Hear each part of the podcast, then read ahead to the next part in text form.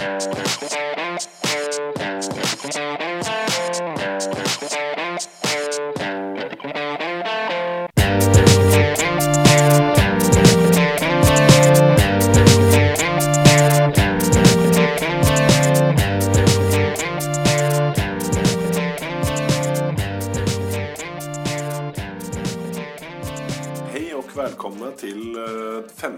Avsnittet av Tro och förnuft-podden som produceras i samarbete med tidningen Dagen och Husanus.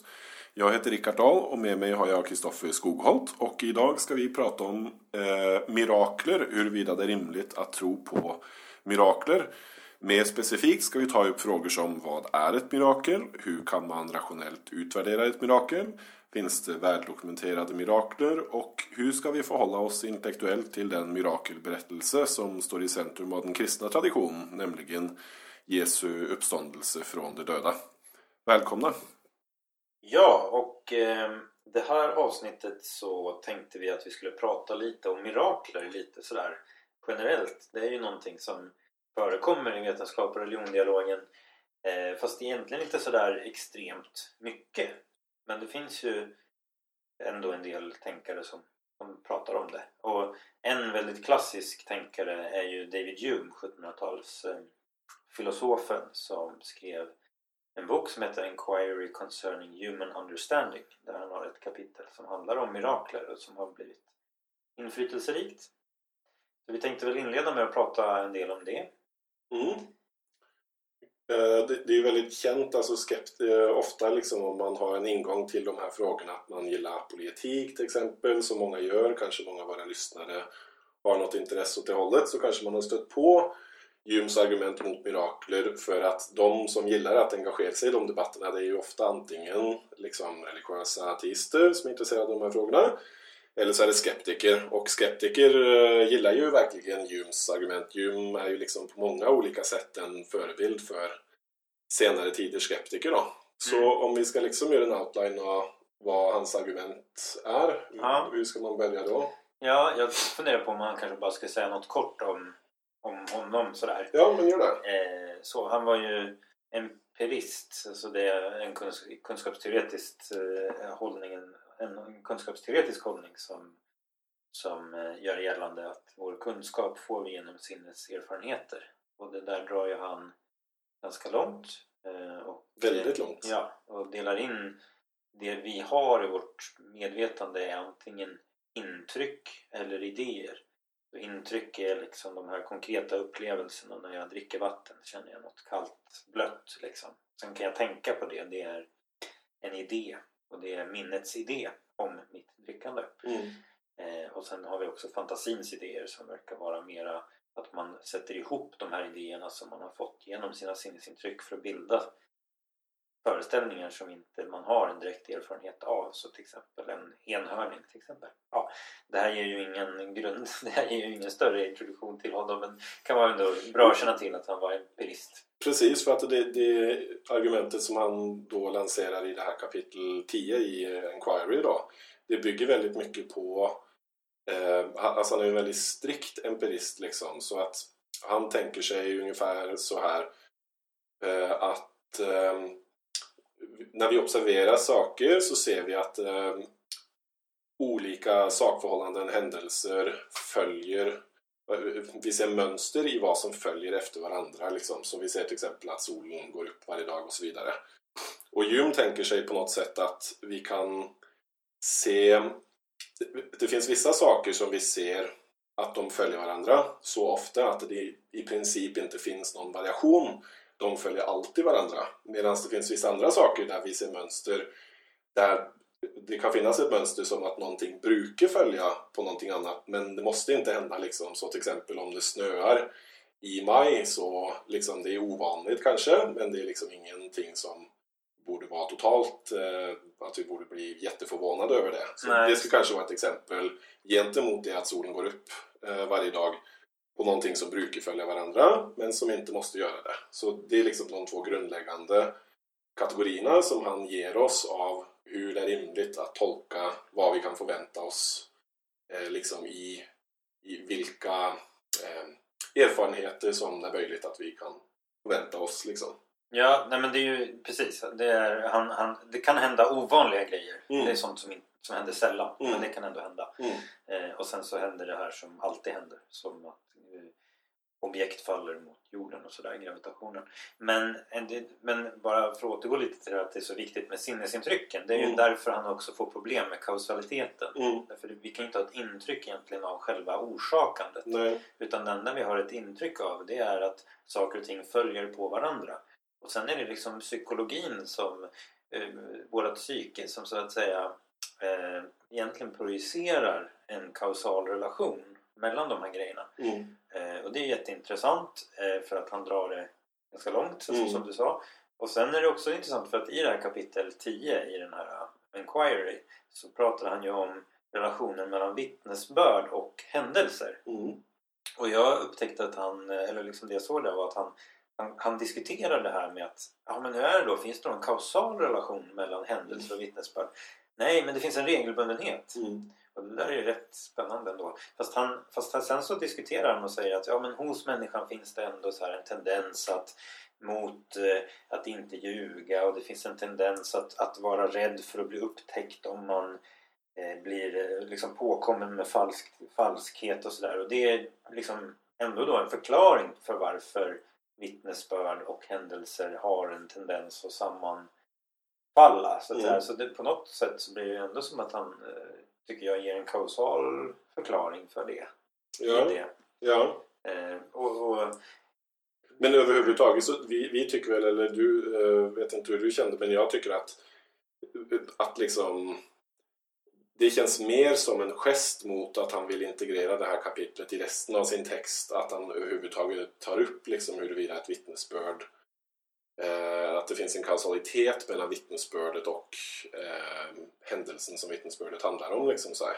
Men, men ska vi backa bara och så säga varför det här är viktigt för mirakler då? För att så övergripande det Jung vill göra är att han vill argumentera mot mirakler. Han är skeptisk till mirakler och han tänker sig att eh, vi kommer aldrig liksom, slutklämmen kommer vara att han tänker sig att vi kommer aldrig vara berättigade i att tro på ett mirakel.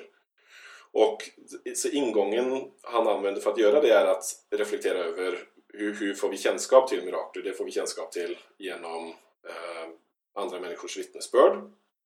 Och då kommer han skilja på eh, hur sannolikt det är att en, ett visst vittnesbörd som vissa ger är eh, sant, är fallet. Och så kommer han skilja på händelsen, sakförhållandet som vittnesbördet handlar om. Och så kommer han liksom argumentera längre fram då för att mirakler är extremt osannolika av olika skäl. Liksom. Så, men det är bara övergripande vad han försöker göra i det kapitlet. absolut, liksom. absolut. Eh, så det är bra att du ger en över, översikt över det. Vi ska gå in lite mer på det. Mm. Jag tänkte bara att det är spännande att, att jag håller med dig om att om man läser det här kapitlet fristående från hans övriga filosofi så blir det starkare. Mm. Det blir svagare om Mm. man läser det i relation till hans övriga filosofi. Mm.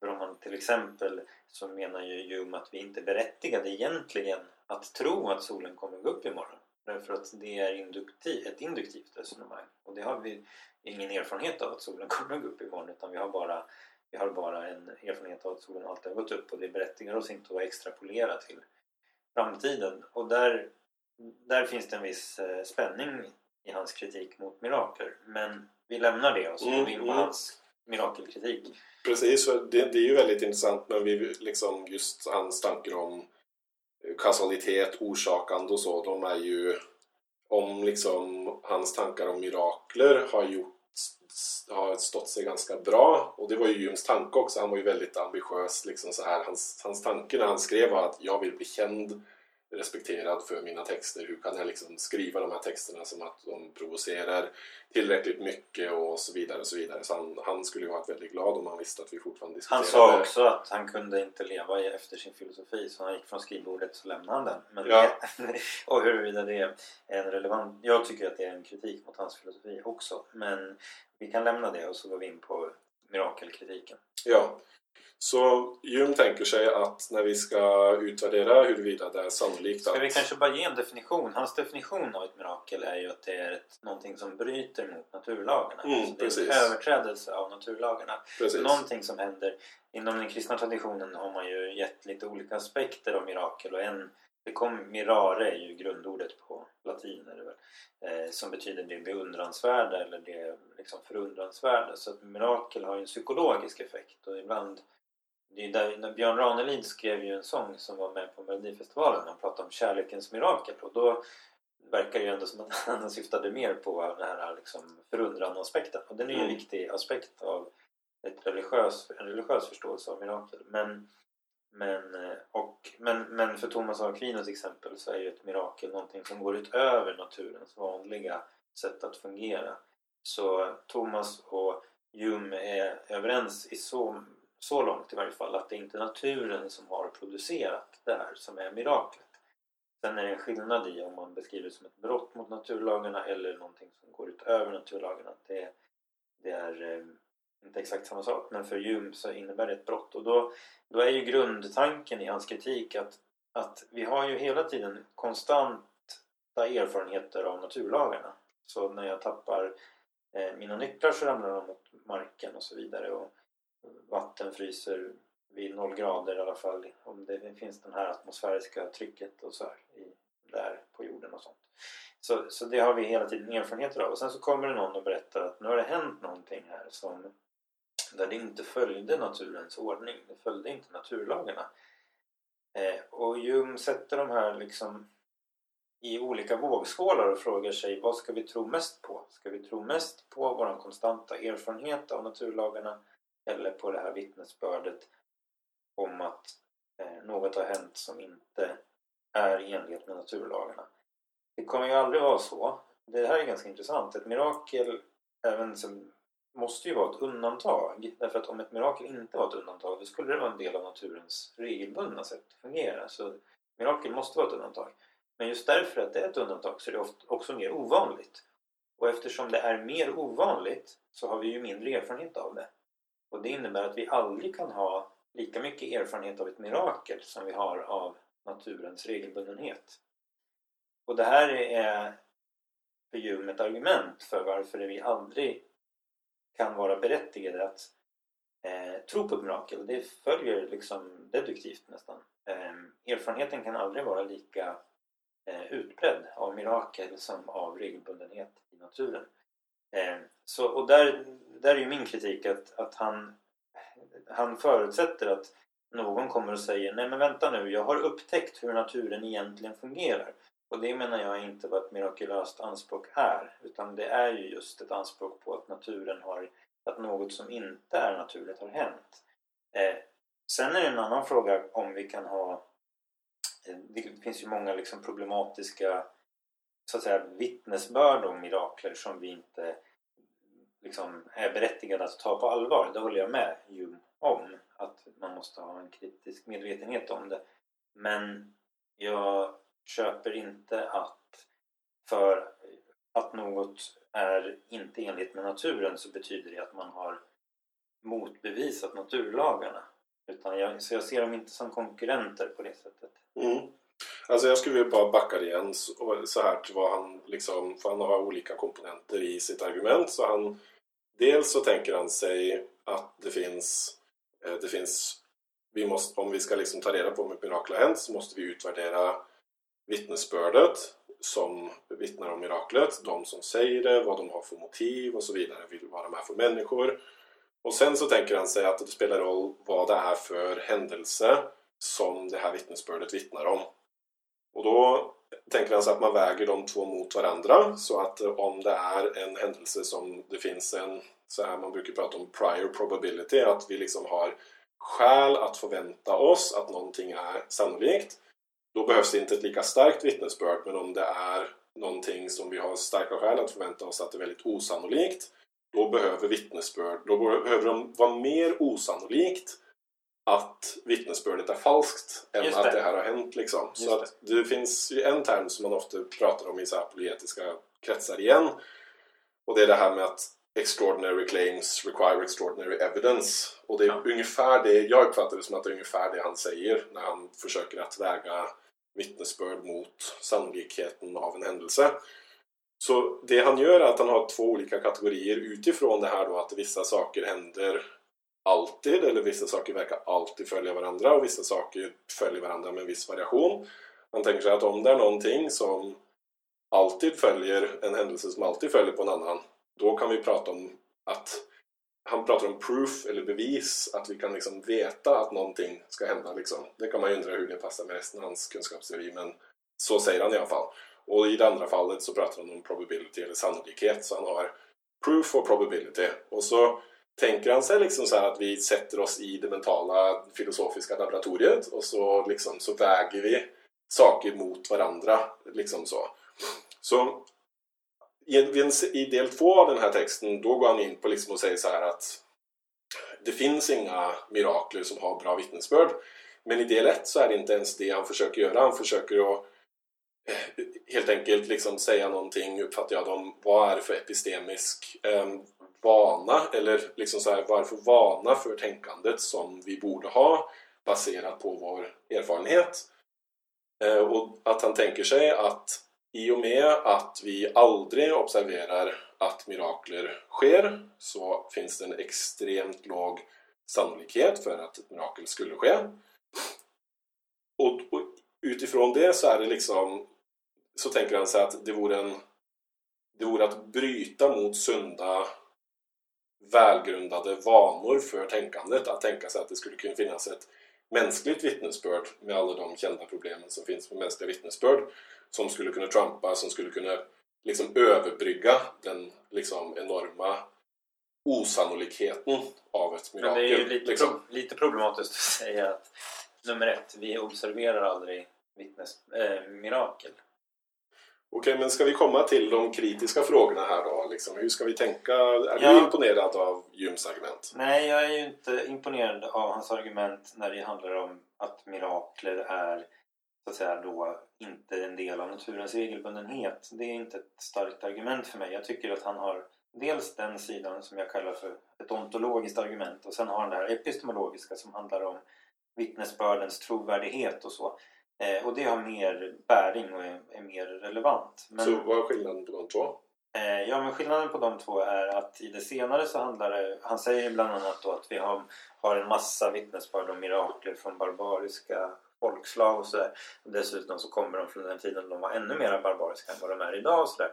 Och jag håller med om att det finns många liksom, överdrivna och, och eh, liksom, vidskepliga beskrivningar av mirakulösa händelser och sådär. Eh, så att eh, det, det är ju sant liksom, att det finns eh, anspråk på mirakler som inte har hänt och han pratar om att det där har en slags psykologisk eh, kittlande effekt och sådär. Eh, och det håller jag med om. Samtidigt så tror jag att man måste komma ihåg vad Rowan Williams sa i en, i en föreläsning eh, om medvetande filosofi när han citerade Wittgenstein. När han, Rowan Williams frågar, säger så här, var kommer ifrån den här this passion to reduce? Var kommer den ifrån? Och då så, så citerar han Wittgenstein som säger It is charming to destroy prejudice. Alltså det finns också ett psykologiskt välbefinnande i att motbevisa de här enkla okunniga vanliga pöbens föreställningar. Och det tror jag att Jung är lite drabbad av. Så, så det vill säga liksom att det finns kanske i hela upplysningens tradition i den här liksom upproret mot nedärvda religiösa traditioner och så en så här kittlande, en motsatt kittlande känsla av att eh, liksom när vi väl inser att oj, de, förut var de vidskepliga, nu är vi upplysta så känner vi oss bättre och det, det är belönande. Liksom ja, jag vill inte säga så här nu uttala mig om hela upplysningstraditionen men däremot så säger jag att det är en psykologisk eh, sak som mm. finns hos olika författare. Eh, det finns en slags smarter than thou eh, så, känsla mm. som, som, som man har varit lite omedveten om. Men om vi lämnar den här, vi kan återkomma till den här epistemologiska sidan som, som jag liksom är beredd att ta på allvar och diskutera och sådär. Och sen så finns det den här där jag tycker att han misconstrues, så att säga, felaktigt beskriver vad ett mirakelanspråk är. Ett mirakelanspråk är inte ett anspråk på att vi har upptäckt hur naturen egentligen fungerar och att därför är den här uniforma erfarenheten felaktig. Nej, den uniforma erfarenheten är korrekt. Men anspråket är att Gud eller någon övernaturlig agent har agerat utöver naturens ordning. Eh, och det är klart att det, trovärdigheten i ett sådant anspråk kommer ju vara beroende av om man tror på en sådan övernaturlig agent eller så. Om man har, tycker att man har skäl för det. Och det är ju världsbildsmässiga frågor men det är en helt annan fråga. Det är en annan fråga än att vi så att säga skulle ha en tävling mellan å ena sidan den dagliga erfarenheten och den här extraordinära erfarenheten. Det är inte en tävling på det sättet. Jag förstår. Ja. Alltså jag skulle säga att liksom den stora svagheten i Humes argument här är att han inte har liksom den medvetenheten om att de religiösa människorna som han kritiserar utgår från andra premisser än honom själv och det är vi mer känsliga för idag. idag liksom. alltså vi tänker på hur våra olika positioner kommer utifrån en situering inom en viss kultur, tradition, ett visst sätt att tänka på och så vidare. Men jag tänker att som om, om det han försöker göra, vilket är det jag tror han försöker göra, är att argumentera mot mirakler från någonting som vi lite slarvigt skulle kunna kalla för sekulära eller naturalistiska premisser så tycker jag ändå att det verkar för mig mer rimligt för en sån person att köpa Jums argument än att inte göra det. För om man inte har någon typ av om man inte har något skäl att tilldela eh, övernaturliga förklaringar som är, en, som är liksom eh, delar av religiösa trosystem. Om man inte har något skäl att tilldela dem någon typ av prior probability, någon typ av sannolikhet som kommer utifrån vad man redan tror på och har blivit övertygad om. Då tycker jag att det är mer rimligt för en sekulär tänkare att helt enkelt titta på naturens regelbundenhet och titta på religiösa eh, eh, påståenden om mirakler och tänka att det här går inte ihop eh, och sluta sig till Jums position att det, vi kommer aldrig kunna ha ett mänskligt vittnesbörd som är tillräckligt starkt för att göra att vi blir berättigade att tro på det här miraklet. Sen så är det frågan liksom hur man ska göra med första persons erfarenhet då. Det tycker jag blir en annan fråga. Liksom. Ja, just det. Det är ju det, det är också intressant. Jag kan, alltså, det jag tänker är att om man, om man för att kommentera på det du sa, mm, så alltså, det frågan för en som har sekulära premisser blir väl egentligen eh, Eh, det finns ju, för den finns det väl i Jums eh, liksom, eh, kategorier så finns det två typer av händelser. Det finns de regelbundna och det finns de ovanliga. Och, och, frågan blir ju egentligen då, har det skett någonting ovanligt här som vi aldrig hört talas om? Ehm, och det är ju inte egentligen vad ett mirakel är. Så att det blir ju någonstans, frågan blir ju om man ska liksom gå från sekulära premisser rakt av så blir det ju ska jag vidga min förståelse av naturen till att inbegripa den här påstådda händelsen eller är det mer troligt att de som hävdar det här har tagit miste på något mm, sätt? Mm.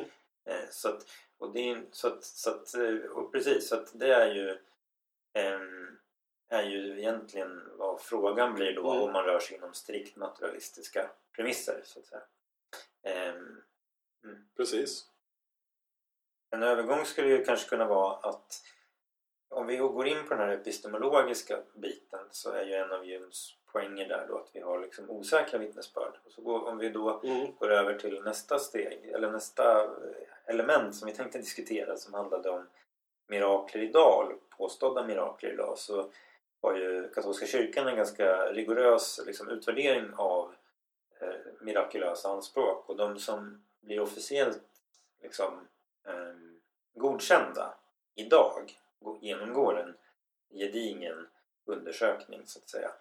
Eh, och ett sådant exempel som jag läste om häromdagen handlar om en som var i Lourdes och hade diagnosen MS och inte kunde gå och eh, blev eh, mirakulöst då, eller oförklarligt frisk vid ett besök i Lourdes.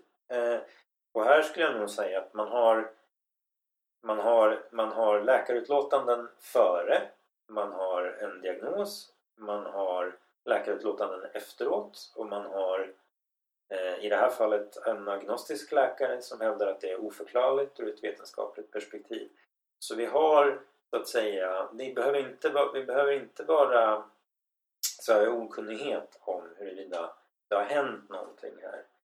Eh, så i den meningen så, så har vi ett bättre läge än vad Hume hade. Och en sak som jag kan reflektera lite över när det handlar om det här med Hume och mirakler och att det var så många på en, i en förvetenskaplig tid eller före nu och så det, det, hänger ju också ihop med, jag menar vi hade ju mycket sämre vetenskap så att säga på den tiden. Det vill säga hade mycket sämre teorier om om man gör så här så leder det till det där. Det är ju en form av naturliga hypoteser kan man säga. Om man eh, drar någon under en, en ehm, stam så händer det här. Eller liksom. Det är en typ av naturliga hypoteser som är ganska, ganska mm, ovetenskapliga såklart. Och ibland tycker jag att det blir lite sådär äh, orättvist att, att folk verkar tänka sig att det religiösa på något sätt förhållningssättet ska vara helt oförändrat över tid och inte ta intryck av. Men nu när vi har möjlighet att göra vetenskapliga bedömningar av den här typen av förändrade hälsotillstånd så använder vi oss av det. Och det tycker jag är utmärkt. Liksom. Mm. Nej, jag håller med. Det är en, och, uh, vi läste ju den här berättelsen innan och det är en väldigt vacker berättelse om han, han själv som har blivit helad som, som berättar. Så om man, nu, nu ska ju liksom vi inte stanna vid att bara tycka att det var häftigt att han uh, upplevde det här utan försöka göra någon filosofisk analys och då blir det liksom frågan om så om, även om man accepterar att någonting har hänt då, då måste vi liksom ta ställning till är, eh, behöver det vara övernaturligt eller ett mirakel? Och kan ha det som två olika frågor egentligen. För, eller eh, är, behöver det att vara det? Liksom för katolska kyrkan tolkar det på det sättet. Och där kanske man skulle behöva ändå lite mer bakgrundskunskap i medicin för att det finns ju en del sjukdomar som har så här spontan regression liksom. Men Exakt, multipel skleros är väl inte... Nej, multipel skleros är inte den och de som tillhör den kategorin kan aldrig bli godkända som mirakel Just från, från Vatikanen. Just det. Eh, så att de eh, är medvetna om den saken. Så att Så. I så fall så skulle det vara en okänd, liksom, alltså att det var Ja, liksom någonting exakt, som man precis, inte känner till. Exakt. Eh, och så. Mm. Ja, hur, eh, hur ska man... Vilken, vilken tyngd får det? Vilken tyngd tycker du att sådana här vittnesbörd eh, får?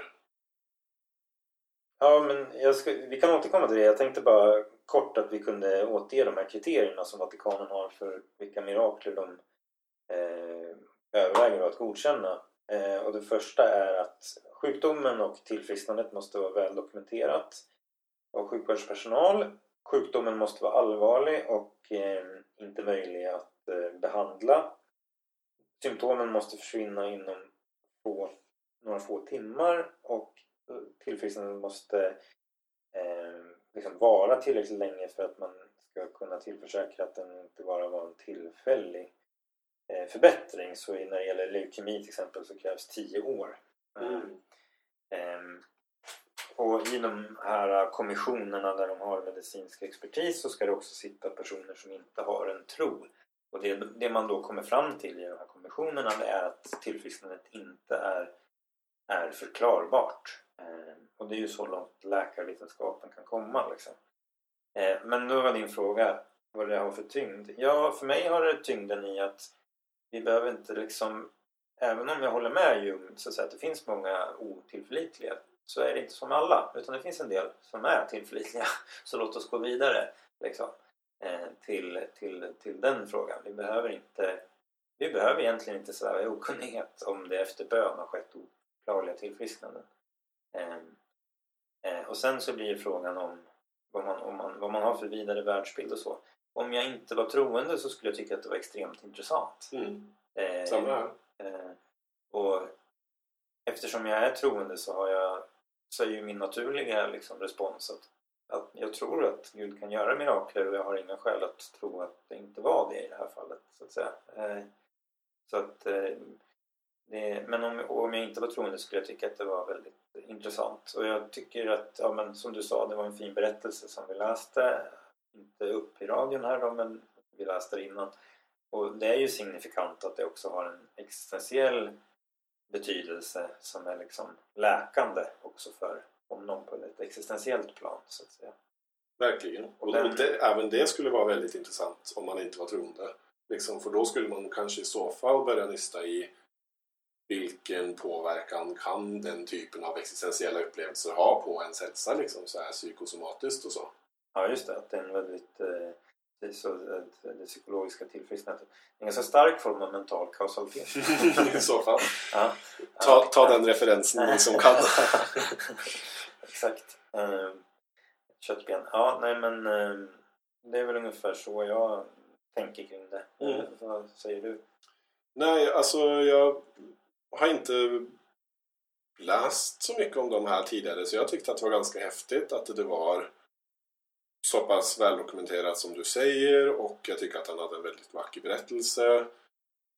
Vet inte helt vad jag ska göra med det, alltså jag är lite så här vill inte vara så här för snabb med att fälla något omdöme om det. Så, så jag har väl ingenting mer att säga än att jag tycker att det var intressant liksom. Mm. Jag tycker faktiskt att jag tycker att Vatikanen och katolska kyrkan gör helt rätt liksom i, i att, att jag menar jag kollade hur, hur många mirakler då det, det är ju ungefär en var tionde år som godkänns.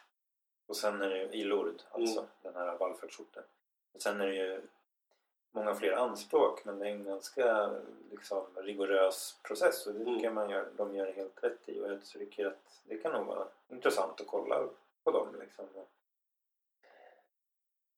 Ja, och så tänkte vi att vi kunde prata en del om uppståndelsen som ju är ett mirakulöst anspråk och som vi pratade lite om i förra podden också när vi pratade om eh, Hägerland och Wassens bok. Ehm, och det finns ju några grundfakta i Jesusforskningen. En av dem är att Jesus blev korsfäst. Det är ingenting som man var särskilt sugen på att hitta på. Och Bart Ehrman, en agnostisk bibelforskare, har sagt att det är liksom självklart att Jesus blev korsfäst. Det finns ingen, ingen som skulle ha hittat på det för det stämde inte alls in på sin messiasanspråken eller messiasföreställningarna. Och det innebär ju då också att en korsfäst Messias och sen var det klart. Det är inte en sådär jättebra början på, på Jesusrörelsen. Så oavsett vad man, vad man tänker om uppståndelsen så måste man ta hänsyn till det. Jesus blev korsfäst och det var inte bra. Så att säga. Det, var inte, det var inte good news eller evangelium om man vill använda det ordet. Eh, utan det var en anomali och det var många messiaspretendenter under de här, den här tiden och det, de eh, dog eh, och eh, de lever inte vidare så att säga i någon form av rörelse. Så där måste vi, det, det är ju någon slags grundfakta. Men, eh, men eh, och sen, sen så eh, handlar det om att försöka förstå hur kom, hur uppstod den här eh, Messias-anspråket på Jesus? Hur uppkom uppståndelseanspråket på Jesus? Och vi har de nytestamentliga källorna. Mm. liksom. Det är ju det, är det, vi, det vi har ungefär. Tänker jag. Så jag vet inte om det kan vara till hjälp att liksom om man typ försöker, jag vet inte om hur lätt det är i och för sig att göra det på rak arm men, men vi har ju både lyssnat till ganska många av de av olika bibelvetare som gör liksom case för uppståndelsen och så. Så att man skulle kunna försöka dra i kortversion hur de argumenten går. Alltså det är till exempel om man tar N.T. Wright till exempel så um, det, det N.T. Wright försöker göra med uppståndelsen i den här Resurrection and the Son of God och i hans övriga arbete är ju att han försöker göra eh, precis det som Hägerland och Wassén inte tyckte att de kunde göra, nämligen att ge en övernaturlig förklaring, Jesu uppståndelse, som den bästa historiska förklaringen som redogör för det historiska datat vi har om Jesus då. Och han bygger upp det ungefär liksom så här att eh, han, spelar väldigt mycket på att det är väldigt oväntat, någonting nytt, en anomali, ett novum. Just att tro på uppståndelse på det sättet som de första kristna kom att göra. Och han har liksom, alltså den här Resurrection and Son of God är väl en det är väl 800 sidor eller någonting och väldigt stor del av den är väl liksom just en redogörelse av olika typer av uppståndelsetro eller odödlighetstro kan man också kalla det för att man kan argumentera för det är där man kan kritisera honom bara som en väldigt kort parentes att huruvida vissa av de källorna som han arbetar med verkligen pratar om uppståndelse, de pratar om odödlighet liksom, det kan man göra med Filo, med Josefus och så vidare. Men hur som helst, så han, han, hans case bygger ju bland annat på det att det är så oväntat och så osannolikt därför att de första kristna skulle börja tro på det här sättet om inte det fanns en verklighet som har fått dem att tro på det här sättet. Och så bygger man vidare på det här caset. Nu kanske jag inte kommer ihåg exakt hur N.T. Wright gör för varje steg men man tar ett exempel så här. Man pratar om the, the beaten down men eller vad man säger att de, liksom, de lärjungarna går från att vara helt nedslagna och misströstar och tänker att nu är det kört tills liksom, att bli eh, villiga att gå i martyrdöden för att predika det här budskapet. De har uppenbarligen fått förändrat sina liv. De, de liksom kan betala ett väldigt högt pris för det här budskapet. Eh, och liksom så saker som att graven var tom och att människor upplevde att de såg Jesus efter hans korsfästelse och begravning. Det är liksom alla de här sakerna ingår som delar i ett syntetiskt argument där, det, där man gör liksom någonting som inom logiken kallas för en abduktion. Det vill säga att man tar en mängd olika liksom, ja, man tar en stor mängd data och så säger man vad är den bästa förklaringen för det här datat? Liksom, hur kan vi redogöra för så mycket data som möjligt? Och då landar sådana som till exempel en Wright i att den bästa förklaringen är att Jesus uppstår från de döda. Just det. Vad ska vi säga om en sån, om en, om en sån eh, slutsats? Ja, det första jag tycker man kan säga är att oavsett om man vill betrakta det som en historisk förklaring eller inte, det blir nästan en slags terminologisk fråga, så skulle jag vilja hävda att det är en rationell förklaringstyp. Det vill säga den försöker ta hänsyn till data och ge en förklaring för det. Så den är rationell och sen om den liksom har någon slags... Eh, det blir mer en sekundär fråga för mig om man ska betrakta den som historisk eller, mm. eller inte. Mm. Så men, men eh, så att... Eh, och sen så tänkte jag bara säga också att det verkar som att Hägerland och Wassén tänker sig att man ska inte bara prata om vad eh, eh, så att säga, de första kristna trodde utan vi ska också förklara var, varför de trodde det. Men vi får bara använda naturalistiska förklaringsmodeller för att förklara det. Och så John P. Meyer, den katolska exeget, han verkar hävda att vi kan inte komma längre än till vad de första kristna trodde eller vad var som en ursprunglig erfarenhet. Vi kan inte förklara den varken naturligt eller övernaturligt som historiker. Vi kan bara konstatera att det här troligtvis går tillbaks liksom, på en urhändelse som de var med om. Och, och N.T. Wright tänker, nej men eh, alla förklaringar går ut över datat. Det är så att säga poängen med förklaringar. Och det kan man kalla för tro om man vill. Mm. Men det gäller naturliga och övernaturliga förklaringar. Mm. Så ja, det är bara en liten orientering. Så ja men det är jättebra ja. spektrumet där. Ja. För då känns det som, jag skulle ju tänka att Myers eh, position där är lite timid, lite, lite mesig, lite, ja, lite tråkig tycker jag i alla fall. Alltså, det vore ju mer intressant att till, alltså att köra på antingen Wassén eller och Häglands position eller N.T. Wrights position. Att om man kör på Wassén och Häglands position då får man någonting konstruktivt ur en historievetenskap som bedrivs på det sättet, nämligen en alternativ förklaring.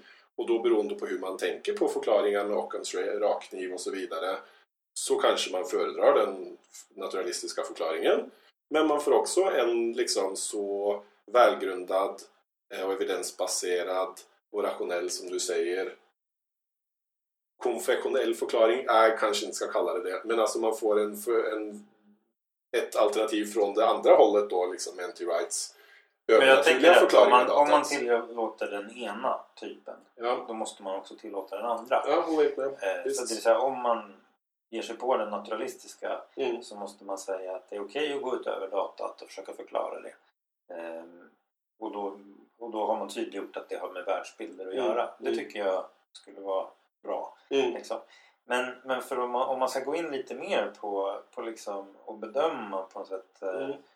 datat och, och som vi säger och förklaringarna så det finns ju eh, det finns ju så ganska många som som Gerd Lydeman till exempel då som N.T. Wright citerar som inte tror på uppståndelsen men han säger att det måste betraktas som historiskt eh, belagt att Petrus och de andra lärjungarna hade upplevelser av den uppståndne Jesus så att säga. Så erfarenheterna verkar ju Ja, jo, det, Mm, det är jag mm, helt precis. benägen att köpa också. Eller liksom eh, att, att argumentera för. Och, och även om vi då... Och sen blir frågan så här med den tomma graven som ju då är den andra stora datafrågan så, så finns ju en argumentation som också Pannenberg har som, som ju inte är en, en särskilt liksom biblicistisk utan en ganska eh, kritisk eh, exeget. Han pekar också på det här som, som N.T. Wright också pekar på men att det var kvinnor som först var vid graven och kvinnor var inte betraktade som trovärdiga vittnen i domstolar och så här och det, det verkar konstigt att så att säga sätta dem som primära vittnen till den tomma graven och så. Ehm, och eh, det finns andra aspekter man kan ta upp kring det där med som ja, att Josef av Arimathea som sägs ha tillhört judarnas råd som begravde Jesus, alltså Sanhedrin som dömde Jesus till döden med, eller ja, anklagade honom för hädelse och eh, att han skulle vara en del av det, det verkade ju också lite märkligt att man skulle att säga, tillskriva en, en representant för det rådet en så positiv roll då. Mm. Vilket också skulle tyda på att han blev begraven eh, i den här att, i en känd grav som man kände till och sådär. Mm.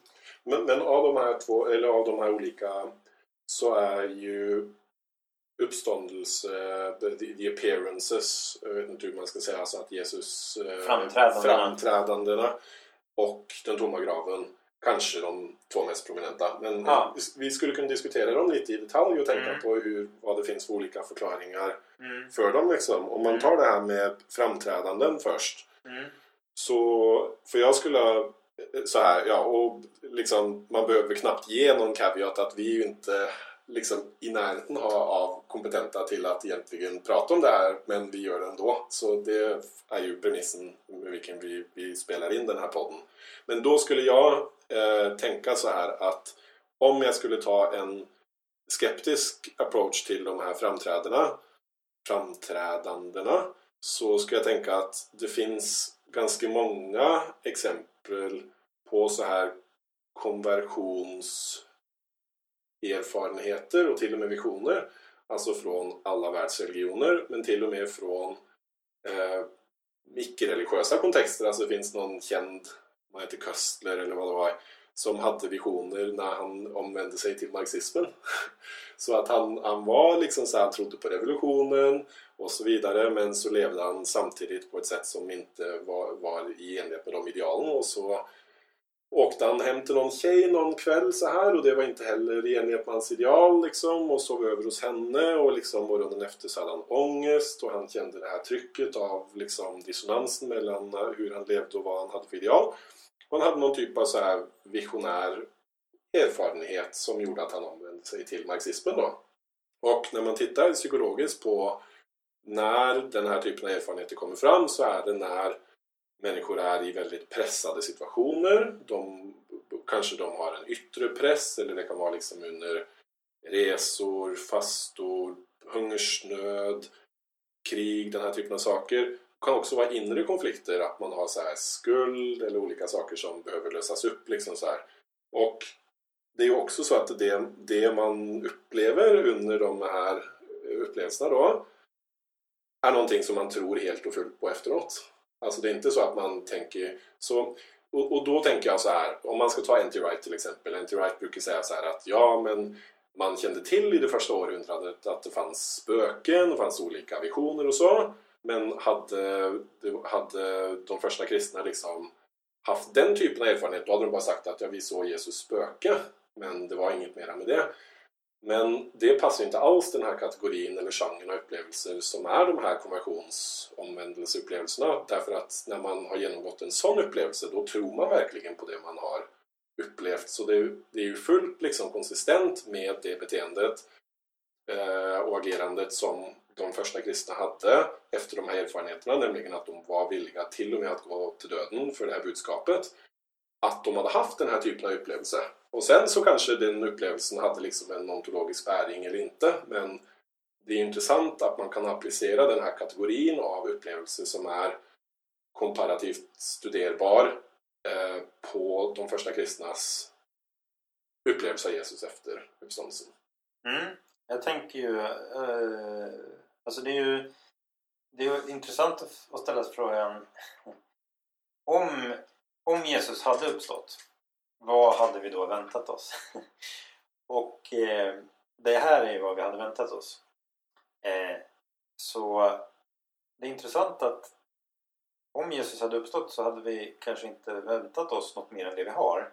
Eh, det vi har kan vara kompatibelt åtminstone. Alltså, ja, okej. Okay. Eh, erfarenheter av visioner och sådär kan vara eh, så att säga, det finns analogier till det av olika, menar, psykologiskt och sådär. Och, och, det finns ju några olika saker som ändå kan vara relevanta att säga i relation till det. Det ena är ju att det verkar vara flera personer som har det, inte bara en person som har det. Eh, och det andra är att jag får ändå intrycket av att det finns något slags starkare anspråk i de här erfarenheterna än i sådana här visioner av att så att säga se min döda mormor eller liksom mm. sådär. Det håller med om. Eh, det finns någon slags starkare komponent så, eh, som är mer påtaglig så att säga. Jag tänker mig att många har haft erfarenheter av att de har någon slags kontakt med en död person men det är så att säga en död person mm. på andra sidan. Det, det, det är en aspekt som, eh, som hör till det hela. Så att säga. Mm. Eh, så att, ja.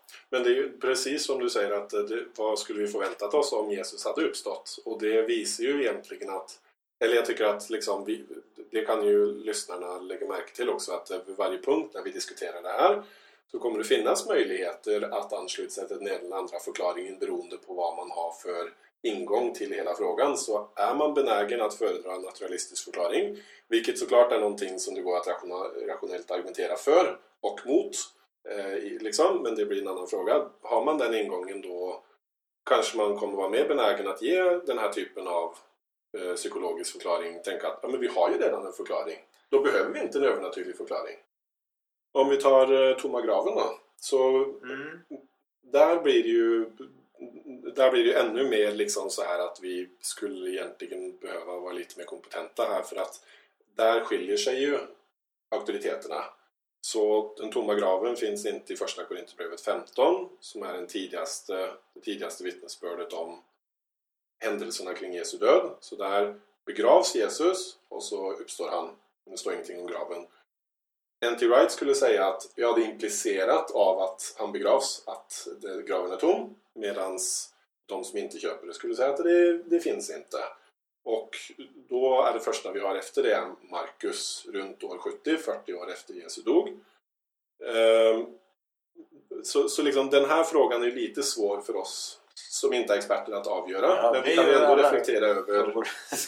ja, okej, okay, men, men alltså de, nu, nu, nu, antog vi ju att de här uppståndelsevisionerna eller de här mm. framträdandena hade skett. Men med mm. den tomma graven så kanske inte vi kan anta att den är historiskt belagd på samma sätt. Ja, just det. Nej, men det vi kan reflektera kring är ju dels det som eh, vi pratade lite om tidigare med Josef från Arimathea och eh, att kvinnorna vid, vid, det var kvinnor vid graven och sådär inte män och det har större signifikans än vad man generellt tror om man inte är medveten om eh, hur ställningen var så att säga, för kvinnor och deras vittnesmål på den tiden.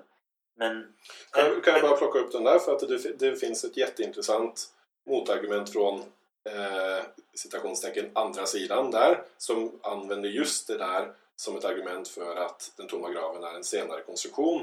Och det är att Markus måste förklara varför alla de kristna som i alla år, eller i många år, har varit kristna och trott på, eh, trott på Jesus och så vidare om det är så att den här tomma graven-traditionen är senare så måste Marcus förklara varför de aldrig har hört om den förut. Och därför avslutar han genom att säga att, de, att kvinnorna såg det här men de var rädda och de sa det inte till dem.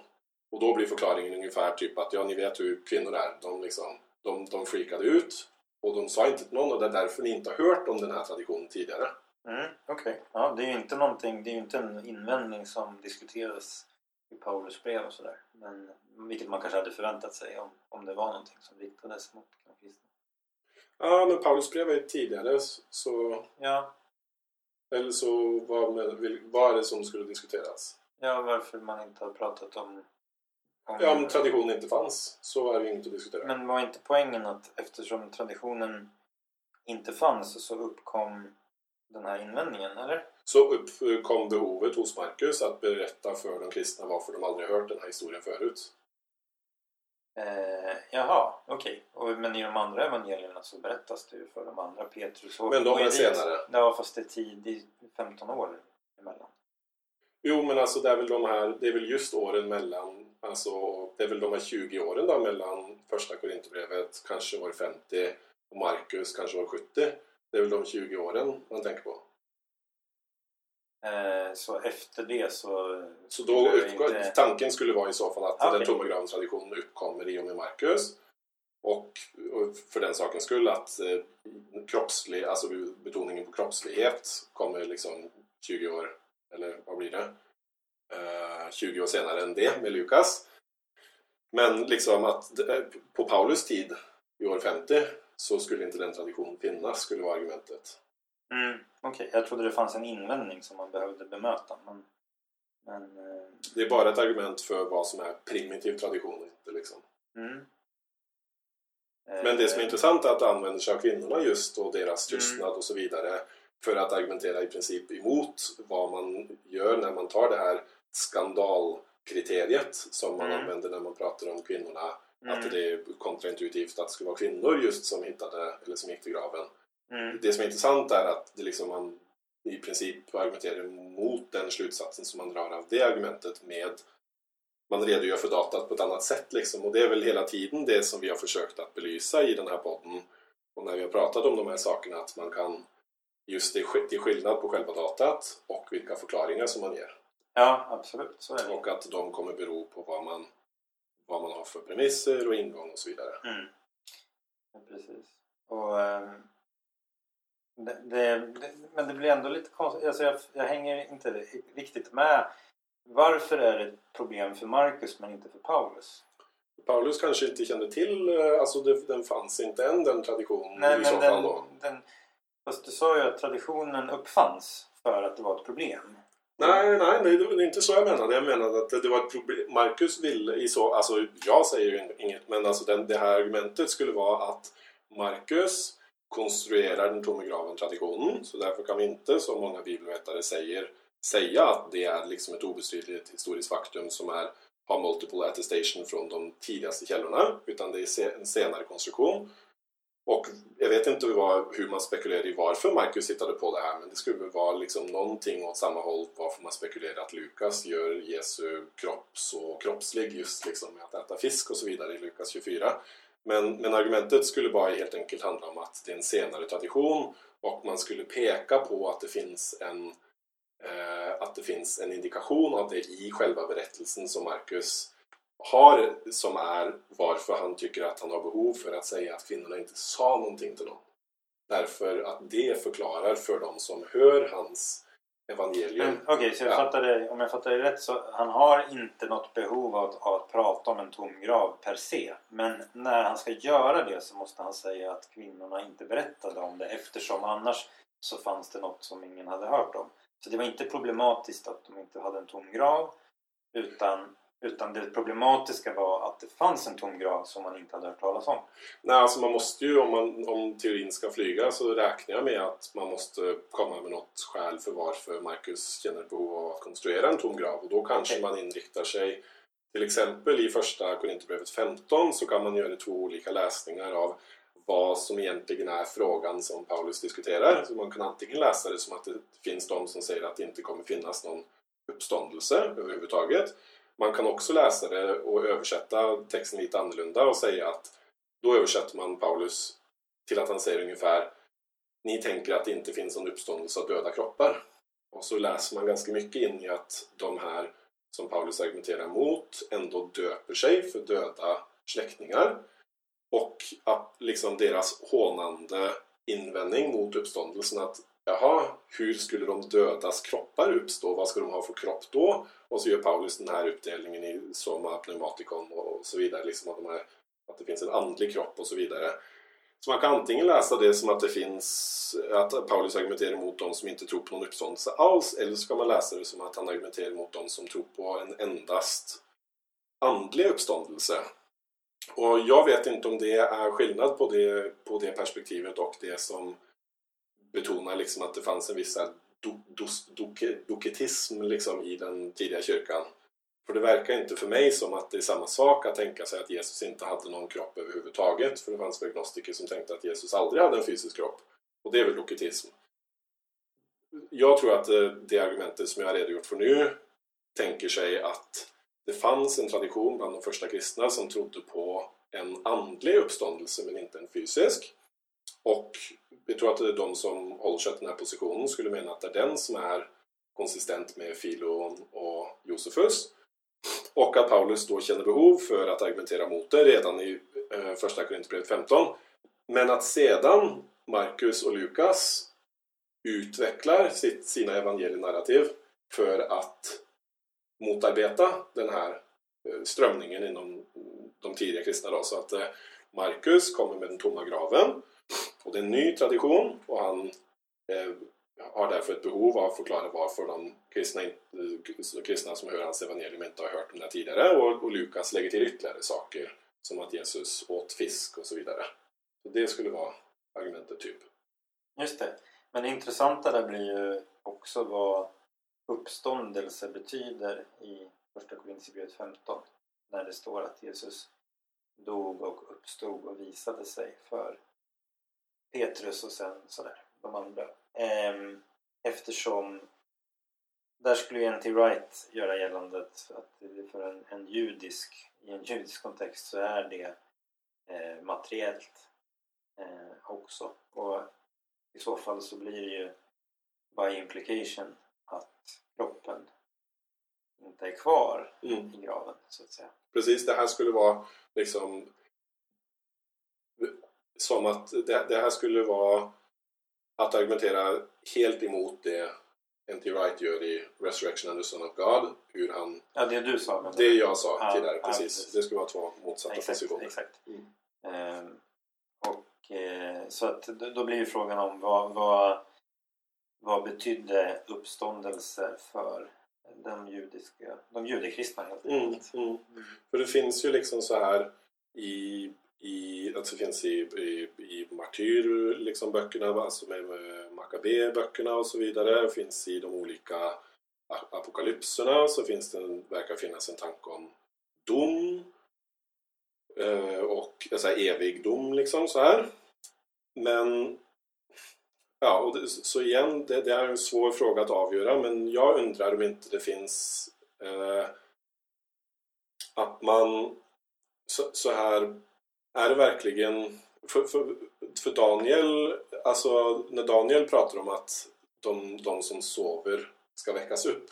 Det är ju det tydligaste man har i Gamla Testamentet som man kan plocka upp och sedan göra till en uppståndelsetro, de dödas liksom fysiska uppståndelse. Liksom så här.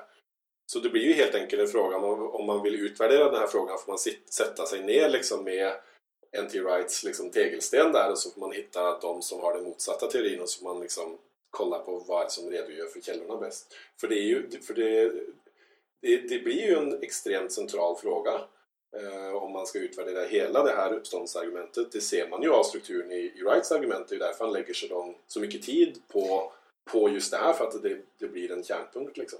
Just det. Men, men den här tanken som finns vid den tiden om att vid tidens slut så ska alla uppstå och det är så att säga det som är uppståndelse tron i den judiska kontexten.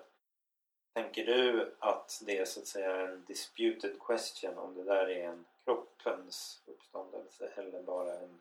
Ja, det tänker jag är en disputed question om det är så glasklart som N.T. Wright säger det.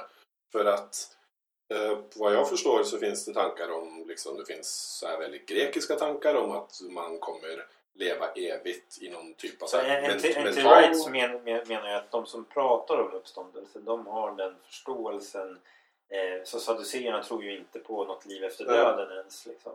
eh, eh, så att det är inte så att alla tror så här, det är också en av hans poänger till Wright att för de kristna blir uppståndelsen väldigt central den, liksom, och den, den får en mycket tydligare kontur än vad den hade i den judiska. Det fanns liksom uppståndelse fanns som tematik men det var inte alla som trodde på den.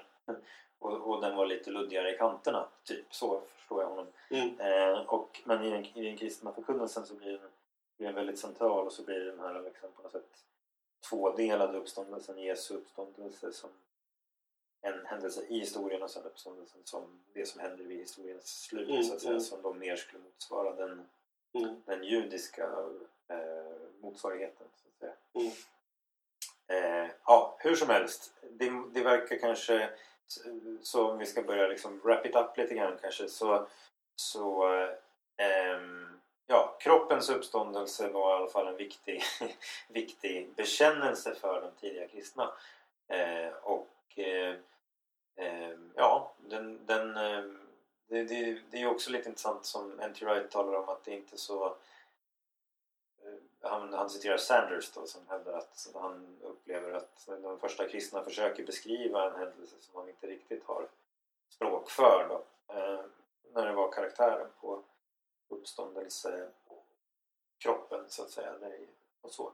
Men, eh, men eh, man kan ju fråga sig varför det blev så viktigt för de första kristna att det var en kroppslig uppståndelse. Mm. Om det inte var viktigt så att säga i en judisk kontext. Mm. Precis mm. Ja, så sammanfattningsvis då ska vi göra så att nu har vi ändå jag tycker ju det är roligt när vi får så här lite olika roller och så de här, eh, jag har försökt nu komma med lite skeptiska motargument till en del av de här välbekanta resonemangen som till exempel N.T. Wright har fört. Eh, så det är inte nödvändigtvis min egen position utan jag bara tycker det är kul att liksom gräva lite i hur man kan eh, problematisera de här sakerna. Så om jag, så mitt slutord, du kan ta det slutord som du tycker är viktigast. Mitt slutord skulle vara i så fall att ge liksom en då ett alternativ till anti-rights läsning som kan provocera lite och som man kan arbeta vidare med och så. Och det skulle vara så här, anti-rights säger att den bästa förklaringen som redogör för allt datat för hur de första kristna fick sin uppståndelsetro är att Jesus faktiskt uppstod från de döda. Och då undrar jag så här, absolut så om man tilldelar den kristna tron en hög liksom, sannolikhetsgrad eller att man är disponerad till att tro på den så tycker jag att det är rimligt. Men om man inte delar den, hur ska man tänka då? Då tänker jag att det vore mer rimligt att tänka sig att den bästa förklaringen är att det här narrativet om Jesus är så pass kraftfullt att det antingen är konstruerad helt enkelt för att de första kristna hade en agenda med det. Så det är välbekant hur man konstruerar narrativ, så liksom kraftfulla narrativ för att man ser någon typ av vinning i det. Eller, och det är ju, blir ju väldigt komplext då, att det faktiskt också är möjligt att tänka sig att ett sånt här narrativ kan vara liksom delvis självgenererande. Alltså man tänker sig hur, liksom om man kopplar ihop mänskligt minne och hur bristfälligt det är med hur vi kan ha olika så här radikala konversionsomvändelseupplevelser och gruppdynamik och så vidare. Då tänker jag i alla fall att om man nu då vill ha en sån här naturalistisk förklaring på hur uppståndelsetron uppkom så skulle det vara en bättre förklaring att tänka sig att det här narrativet har helt enkelt uppkommit så här, av historiska tillfälligheter bit för bit och blivit självförstärkande. Ja, nu antar jag att jag ska kommentera på det här. Nu behöver inte det, du kan komma med slutord men du kan också kommentera. Ja, men ja. Eh, jag tänker att den första är inte trovärdig, att de hittar på det. eh, men, men den andra är, och den andra är ju möjlig och den är väldigt, den är ganska svår att liksom falsifiera och sådär. Mm, men, men, men, eh, men en sak som man ibland glömmer bort i det här är ju Paulus omvändelse. För han blir ju en extra liten bonusgrej i det här. Och han, han, har ju inte, han är ju psykologiskt inte alls predisponerad för att börja... Han har inte några känslomässiga bindningar till Jesuspersonen. Eh, han har ju en känslomässig aversion mot den kristna rörelsen. Och har en vision som gör att han blir en apostel i den tidiga kristna kyrkan. Och när jag ska koppla ihop de sakerna så blir det enklare att tänka att det har en, eh, en eh, övernaturlig grund än att det är ytterligare ett exempel på en naturalistisk process som genererade den största liksom, ledaren då nästan om man undantar Petrus och så. Men det är en kommentar till det du sa. Och i övrigt så tycker jag att eh, kristna behöver det är bra om man liksom läser lite mer exegetik tycker jag. Och jag tycker att det kan vara ganska befriande att som N.T. Wright säger bara för att man, eh, ja man han tar ju det här exemplet på Wittgensteins poker när Wittgenstein bråkar med Popper, alltså två filosofer som bråkar och det var en massa människor där man vet inte vad som hände. Men någonting hände med Wittgenstein som blev arg och lämnade. Och så, så surface, alltså att det finns en orimlig syn på Bibeln som är att den ska vara liksom detaljerat korrekt och det skapar bara problem så att säga. Och då, det tror jag att man mår bra av att lämna. Eh, och då, då kan det bli mer spännande och intressant. Och så tycker jag att man ska närma sig exegetiken. Man ska vara medveten om de olika filosofiska aspekterna. Inte böja sig rakt av under en naturalistisk eh, hegemoni som det ändå har funnits. och så. så då tror jag det kan bli intressant. Liksom. Mm. Okej, då får det vara allt som vi har med den här gången. Jättestora frågor men förhoppningsvis så finns det något perspektiv som kan vara intressant att ta med sig. Eh, vi hade ett ganska varierat samtal idag. Vi har varit kort inom många olika saker men vi hoppas att det gick att hänga med ändå. Men berätta gärna för mig och Kristoffer hur det går för oss att vara podcastvärdar också. Det är nog feedback som vi behöver höra så hör, hör av er på vår Facebook-sida. Och kom gärna dit också för att diskutera sakfrågorna med oss. De sakerna som vi tog upp idag till exempel. Det är bara roligt. Eh, Tro och förnuftpodden produceras i samarbete med tidningen Dagen och Husanus. Vi har varit Kristoffer Skogholt och mig, Rickard Dahl. Tack för att ni lyssnade och vi hörs nästa gång.